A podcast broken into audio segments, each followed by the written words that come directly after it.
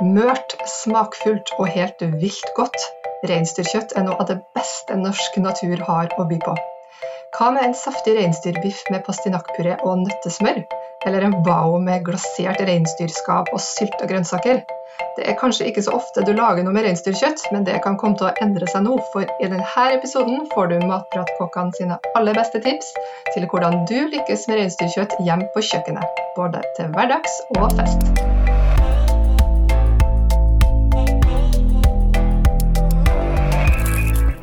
Du hører på Matpratpodden. Jeg heter Lisa Ekli, og med meg fra sitt hjemmekontor har jeg matpratkokk Anette Fjelleng Hansen.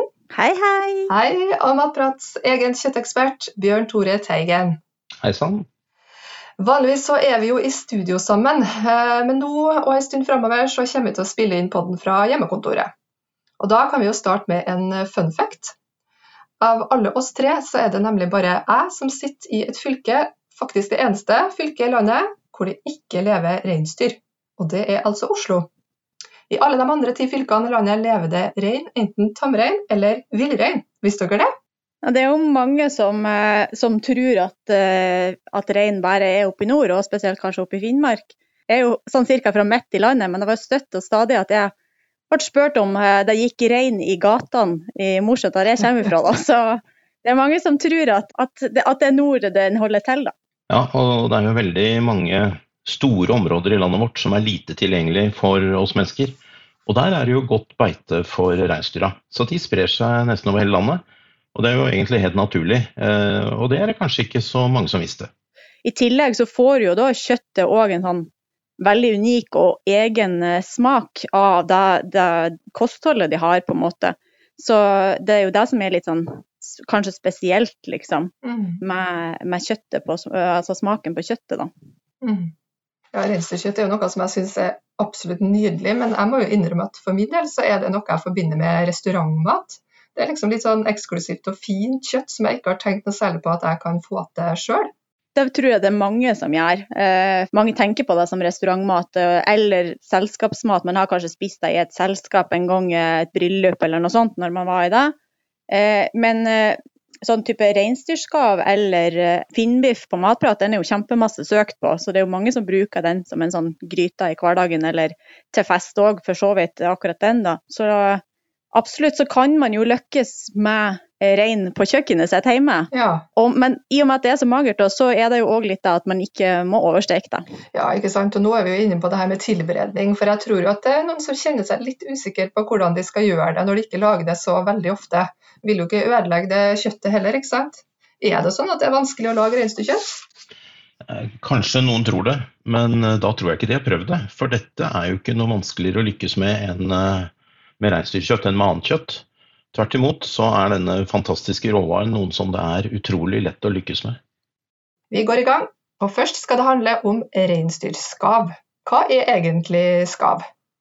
Ja, altså Jeg nevnte jo finnbiffen i stad, og, og, det er jo mange som kanskje kjenner skav som, som finnbiff. Det ordet forveksles jo litt, men skav er jo egentlig litt sånn tynne, tynne skiver av eh, magert eh, kjøtt. Og, og det navnet skav, det er jo noe som på en måte egentlig stammer ifra at uh, de her reingjeterne da var jo veldig ofte på vidda før i tida. Når de var på vidda, så var det veldig kaldt, og det var veldig det var, De hadde jo ikke noen uh, måter å, å uh, gjøre så mye tilberedning av mat på, så det var jo ofte båler og sånne ting. Og da skava de av kjøttet, som jo gjerne var ganske frossent, og fikk bare til å skjære sånn tynne, tynne skiver av det. Og så har jo det på en måte hengt litt igjen da, til navnet det har i dag. da. Mm. Ja, nei, for det, de reingjeterne de hengte jo som gjerne kjøttet opp over ildstedet. Og så skava de av etter hvert som det tinte på kanten. Og um, det er jo akkurat uh, ikke det som skjer i dag. For når man slakter reinsdyr i dag, så gjør man det jo på en litt annen prosess. Man tar det rene kjøttet, benfritt, og fryser det med en gang. Og så skjæres det med en sånn skavemaskin, så du får tynne, tynne, fine skiver og så pakkes det i passende poser så vi kan kjøpe det i butikken.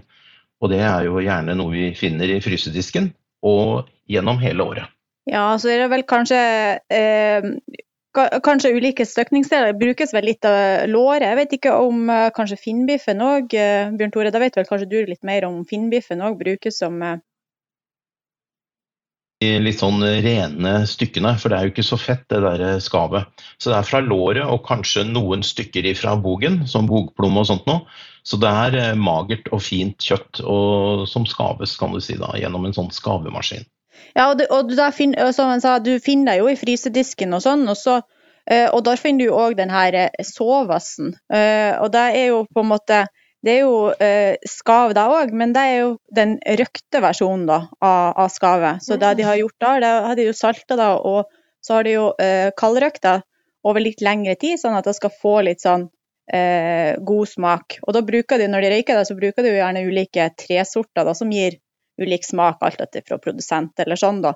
Men eh, da får du en litt mer sånn røyksmak på det her kjøttet, da. Ja. Så ja, eh, det kan brukes på litt eh, samme måte som skav, da. Ja, men Hvordan kan du bruke altså, både sovas og skav da, egentlig utover finnbiffen? Nei, altså For deg, at det er liksom så raskt og, og magert og sånn, så, så eh, egner det seg til veldig mye forskjellige retter. Du kan steke deg, og, uh, steke deg kjapt i panna og ha deg i en wrap.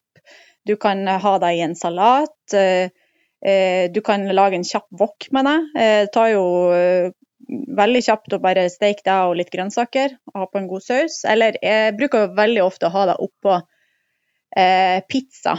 Og da, liksom, da, legger du jo det er egentlig bare det frosne skavet oppå pizzaen og kan ha litt sånn eh, Kanskje noe kantarell hvis det er sesong for det, og kanskje litt sånn eh, granateple i lammet og en, eh, en sånn jeg, jeg, bruker jo gjerne en sånn hvit saus som mm. base, da.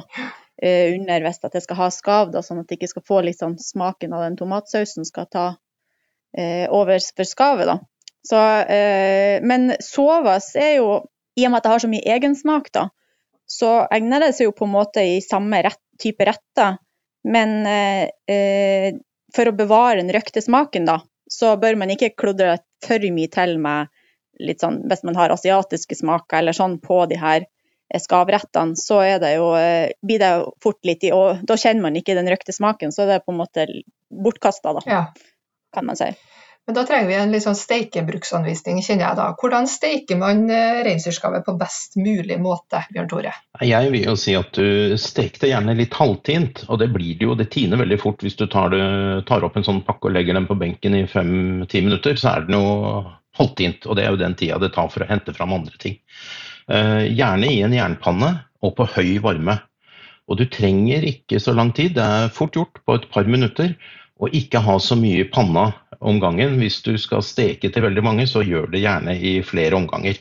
For at det skal bli stekt og ikke kokt. Og dette kjenner vi igjen også fra kjøttdeig. Så bruk mindre eh, kjøtt i panna og heller flere ganger. Og så krydre det etter bruk, eller eh, når du skal bruke det, ikke før du steker det. Og det blir da saftig og superenkelt. Og det er klart, og du kan bruke det i massevis av retter. Mm. Det kan jo liksom lages og brukes i gryter og alt mulig sånn, men eh, hvis jeg skal virkelig, virkelig kose meg, da eh, For det bruker jeg jo gjøre av og til. Eh, så en sånn, eh, en sånn eh, bao eller sånn steambønn med litt sånn glasert reinsdyrskave og litt sylte grønnsaker, da er det da er ja, det er ganske godt, det, altså. Eh, og da, da steiker du jo på en måte bare på samme måte, men eh, har på litt sånn ketsjup manis og litt eh, skvisa over litt lime der. Eh, krydrer litt eh, på kjøttet. Eh, så er egentlig det klart ferdig på fem minutter. Eh, så har du en sånn eh, Laga kjapt en sånn 3-2-1-lake. Altså tre deler vann, to deler eh, å, oh, herregud. Nå, nå stoppa det. Nå fikk jeg brain freeze her. eddik? Tre deler vann, to deler sukker og en del eddik. Takk. um, da bruker jeg veldig ofte en sånn type lake hvis jeg skal snarsylte grønnsaker da, eller uh, rødløk eller ja. Så hvis du lager en blanding av rødløk og kanskje litt sånn gulrot i julienne eh, strimler, så eh, kan du ha litt sånn crunch oppå det skavet inni en sånn bao. Da. Og den ja. baoen den kan du jo ja, enten lage sjøl hvis du har litt ekstra god tid, da. Eh, vi har jo oppskrift på det på Matprat. Eh, Eller så får du jo òg faktisk kjøpt de ferdig nå, da, i frysedisken. Ja. Og det her, det her eh, sylta grønnsakene, hvor lang tid trenger de å stå før de er klare? Nei, altså du, Det er det som er så fint med den laken. da. Det er eh, gjort på eh, ikke 3-2-1, men 1-2-3, kanskje.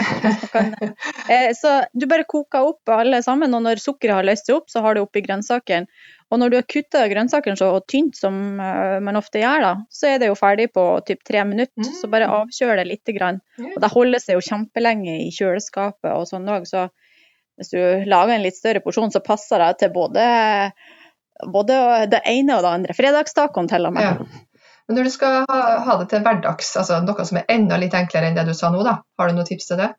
Ja, hvis det skal være liksom veldig kjapt og enkelt, så er jo eh, Vi har jo ei oppskrift på Matprat som eh, er en eh, wrap med reinsdyrskavd og tyttebærrømme, og den tror jeg jo vil påstå at du greier å fikse på i hvert fall du, Bjørn Tore. Under ti minutter, vil du si. Ja, ja, nei, den er utrolig enkel å lage og utrolig kjapp. Og eh, det blir jo så godt. Det er knallgodt, vil jeg si at det er. Det er, eh, det er skikkelig hverdagsmat. Ja, det er jo bare egentlig Du freser purre eh, i panna og freser skave. Krydrer det. Eh, inn i wrappen med litt salat, og så blander du tyttebær og rømme sammen. Eh, som du har oppå der. Og det, det høres veldig enkelt ut, men det er faktisk uh, veldig, veldig godt.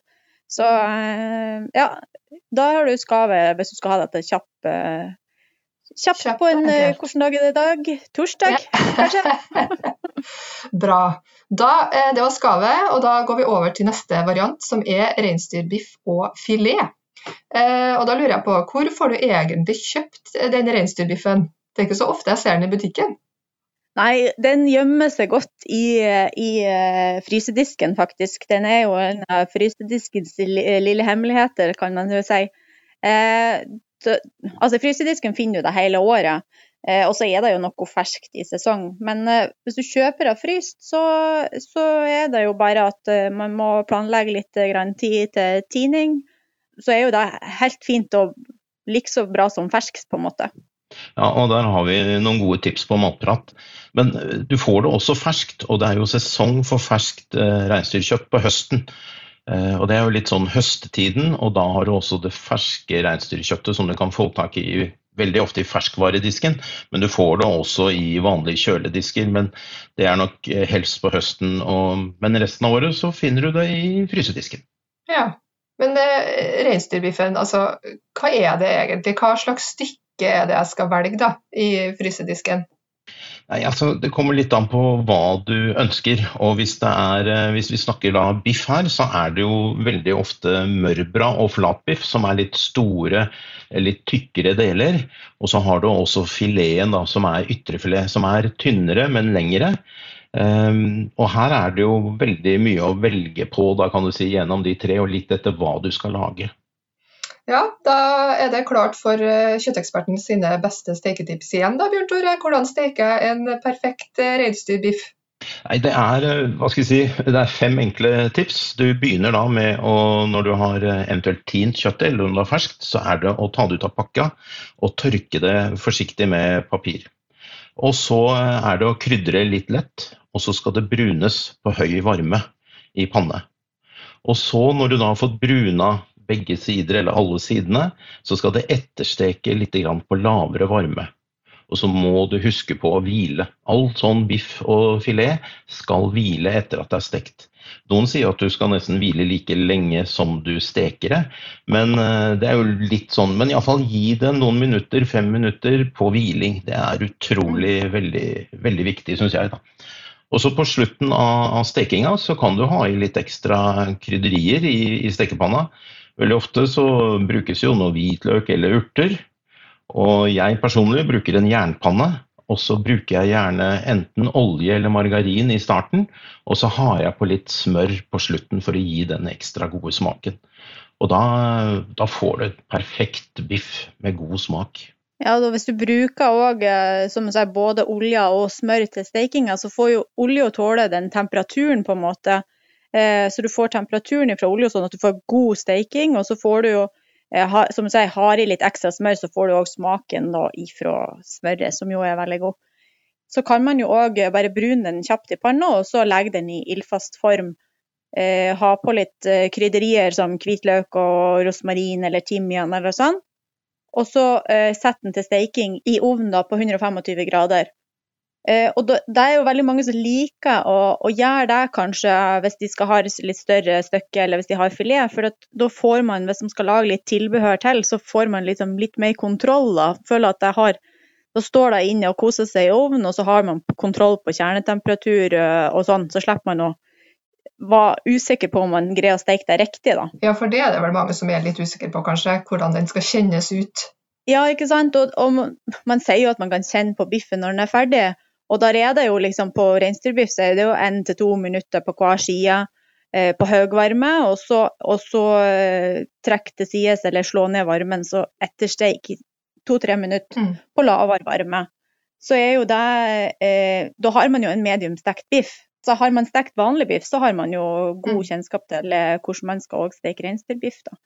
Mens med fileten så blir den litt mer sånn gjennomgående rød da, kanskje, hvis den er i, i ovnen. Så kjernetemperatur på ja, 60-65 grader. Eh, ta den helst kanskje ut på 60 grader, og så la den hvile opp, som Bjørn Tore sier. Få god hviling på den. da. Mm. Hva med tilbehøret da, til denne eh, deilige biffen på en lørdag? Hva anbefaler du, Anette? Jeg, jeg, liker jo best, eh, kanskje aller best, sånn pastinakkrem. Eh, koker den og lager den som en sånn uh, puré, da. Da kan man jo velge om man vil egentlig lage den sånn Altså tar man pureen gjennom en sånn sikt, så får man jo helt sånn fin, fin fløyelsmyk puré. Litt uh, som barnemat, kanskje. Eh, jeg liker jo å ha den litt sånn chunky og sånn med, med litt biter i. Eh, og så har nøttesmør òg til. Altså brune nøttesmør. Det fins jo kanskje ikke noe bedre jeg skal ikke si at det ikke finnes noe bedre saus, men den er eh, på, på topplista når det gjelder saus. Eh, og kjempeenkelt òg å få til. Altså det er bare å ha smør i en kasserolle og la det stå på lav varme, sånn at det brunes eh, over litt tid. Og da får det jo en veldig sånn karamellaktig og god, sånn djup eh, smak, da. Og et fantastisk lukt, ikke minst. Mm. Herregud. Eh, du får jo lyst til å spise det her. Og så har du bare nøtter i på slutten, da. Så det tror jeg hun må være min favoritt. Men uh, du har sikkert en annen enn du, Bjørn Tore? Ja, altså jeg er jo litt sånn eh, gjerne en uh, Bruker gjerne en mørbra, da. En mørbra-biff av reinsdyr. Også med, med krema soppstuing. Og der er det jo litt sånn Da bruker man litt sånn to av, av, av liksom høstens hva skal jeg si, høy, høydepunkter. Mm. Da skal vi videre til noe som kanskje får fram litt nostalgi og gode minner fra barndommen for mange av oss, nemlig steik. Får det fram søndagsfølelsen, Anette? Uh, ja Altså, det, de minnene som jeg har om steik, så var den Det var at bestemor diska opp, og da ble den jo ganske grå og, og kjip. Sånn sett. Jeg har jo spist steik mange ganger i ettertid, så jeg har jo fått god steik òg, men at den skal bli tørr og grå, det, det trenger den jo ikke bli så Nei, Nei det, skal vi, det skal vi høre mer om etterpå, men aller først så lurer jeg på hva slags del av dyret er det da egentlig steika? Steika kommer fra låret på dyret, så sånn sett så, så konkurrerer det litt med, med biffen nå. Eh, så man må velge på om man skal lage biff eller om man skal lage til en stek. Men eh, det er jo noen muskler på det låret som ikke er så møre som, eh, som mørbrann og flatbiffen. Og de trenger da litt lengre steketid, og da blir det gjerne at de går i steken. Eh, veldig ofte, som oftest, er jo hva skal jeg si, reinsdyrsteik beinfri, og det gjør jo at den er mye lettere å skjære opp etterpå og i pene skiver. Så, så sånn sett så er den klar til å brukes. Veldig enkelt. Mm. Og, og, det er jo kanskje ikke så overraskende eh, da, men du finner jo òg den her da i frysedisken i et sånn eh, lite nett eh, som den ligger der. Eh, så der må man jo bare påberegne litt tid eh, for å tine den. Altså enten så tiner man jo den i, i helst, aller helst kanskje i kjøleskap eh, over natta, sånn at den ligger kaldt og tiner. Eller eventuelt hvis man har litt, litt, dårligere tid, så kan man jo legge den i kaldt vann. Forutsett at uh, man har uh, en pose da, på at den er pakka godt inn, og at man ikke har uh, hull i denne posen som den ligger i. da. Mm. Så, så, holder den best på kjøttsafta jo lengre tid du bruker på tininga, sånn sett. da. Så, ja. Men du får den jo òg selvfølgelig i sesong, da, fersk. Mm. Hvordan skal, gjøre, hvordan skal jeg gjøre det da for å steke den skikkelig mør og lekker? Nei, altså, Vi anbefaler jo på Matprat eh, at du bruker 125 grader på litt sånn større steker. og Da er det jo rett inn i en ildfast form i, i ovnen. Og så bør man bruke et kjernetemperaturmåler. Det syns jeg er viktig å si. At man eh, da steker den til den kjernetemperaturen du selv ønsker. Ja, det samme gjelder jo her òg, at, at, du bruner den først. da. Eh, sånn at du får den gode steikeskorpa rundt. Eh, og kanskje igjen har med litt, eh, litt hvitløk og litt rosmarin og sånn i, i den ildfaste formen når du setter den i ovnen. Og så kan du òg da ha med litt vann i, i forma. Det, du trenger ikke det, men den bevarer jo litt av fuktighet, og spesielt da hvis du òg skal bruke skyen som blir da av vannet til å lage en god saus. Da. Men eh, vi anbefaler jo òg at du, du steiker den til 60-65 grader. Det handler jo selvfølgelig om litt hva du liker, og hvilken, hvordan rødhetsgrad du vil ha på den. Eh, og så hviler den eh, etterpå. Og så stiger den jo da litt i temperatur etter den har hvila. Du må ha, ta høyde for det når du tar ut steika. da. Og det med steik, som da kan inneholde flere typer muskler, så må du ha en viss kjernetemperatur. Og det er jo det at bindevevet som er i kjøttet, skal denatureres, som det heter på fagspråket, eller brytes ned. Og det skjer først når du kommer over 55 grader. Og kjøttet må være over 55 grader en liten stund for at kjøttet skal bli mørt, som vi sier. da. Og det er jo rett og slett at bindevevet denatureres.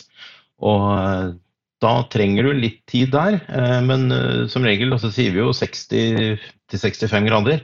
Og da får du også litt sånn eh, På hvilingen så vil det jo også stige et par grader. Altså hvis du vil ha 65, så ta den ut på 62.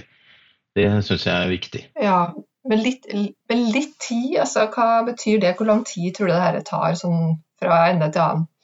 Nei, det tar en eh, to-to og en halv time ca. Litt avhengig av hvor, eh, hvor, stor steik du steiker Og omkretsen på steika det er jo gjerne det som har noe å si for hvor eh, raskt kjernetemperaturen stiger. Da. så hvis du har tid, så kan du òg langtidssteike på lavere temperatur. Da kan jo farge og sånn òg holde seg bedre. da kan jo du Vi har jo testa deg litt, Bjørn Tore, så du kan jo si litt om det. Ja, vi har gjort noen test, vi. Og vi vil anbefale og gjort noen forsøk da, på forskjellige temperaturer. Men vi vil anbefale 80 grader. Og på en normal størrelse reinsdyrsteik så tar det rundt fem timer. Og det som er fint med å steke på litt lengre, lavere temperatur, så tar det jo lengre tid, men da stiger ikke kjernetemperaturen så mye når du hviler steka. Så det er viktig å ta med seg. Og når du da ikke får så høy stiging av temperatur, kanskje bare en grad etter at du tar den ut, så, så, holder den jo også på fargen mye bedre, på den, på den røde, friske fargen. Og spesielt hvis du er nede på 60-65 mm. grader. da. Mm. Og hva slags eh, tilbehør anbefaler dere da til denne perfekt stekte reinsdyrsteika? Ja, altså Den mest populære eh, oppskrifta på tilbehør eller sånn, det på matprat det er jo kanskje den eh, med viltsaus. Ganske tradisjonelt, egentlig. Eh, kanskje litt rosenkål og stekt sopp til. Eh, noen har jo vel sikkert en liten klett med tyttebær òg der, kjenner folk rett? Ja, og hvis du da, når du steker den i en langpanne eller i en ildfast form, så hvis du legger noen rotgrønnsaker i den forma når du steker steika, mm. så kan jo også de serveres til. Eh, og så bruker du da den skyen som ligger i bånn der, den litt fuktigheten, som en base til saus. Og det er jo utrolig enkelt og godt. Ja, da kan jo den sausen enten bli en, en rødvinsaus eller en kirsebærsaus, alt etter hvilken type retning man ønsker å gå. Det er jo veldig mye man kan ha eh, til en sånn type reinsdyrsteik. Enten at man vil kjøre det litt tradisjonelt, eller, eh, eller kanskje vil kjøre på en eh, ha en bigotto f.eks. med litt grønt på sida, eller lage det litt mer som et sånn eh, sharing-konsept der man lager litt flere små retter med tilbehør. Har litt ovnsbakte poteter med litt eh, med litt sitrus i, og kanskje løkterter eller friske eh, grønnsaker og litt sånne ting. Og eh, vi har jo òg ei ei oppskrift der vi eh, Hvis du skal være litt vill og gæren, da, så kan du jo til og med eh, crunche litt potetchips oppå eh, steika. Eh, sånn at du får litt sånn eh, ekstra crunch og ekstra eh, nyvri, kan man si, da, på, på steika. Da tenker jeg at det er flere enn meg som tar en ekstra kikk i frysedisken neste gang de skal ha noe skikkelig snadder til middag. Eh, alle oppskriftene vi har snakka om i dag, finner du på Matprat. Tagg oss gjerne på dine retter med reinsdyrkjøtt, eller bruk hashtag matprat. Og har du spørsmål du vil at vi skal ta opp her i Matpratpodden, så send oss gjerne en e-post på post at matprat.no, eller send oss en melding på Facebook eller Instagram. Vi høres!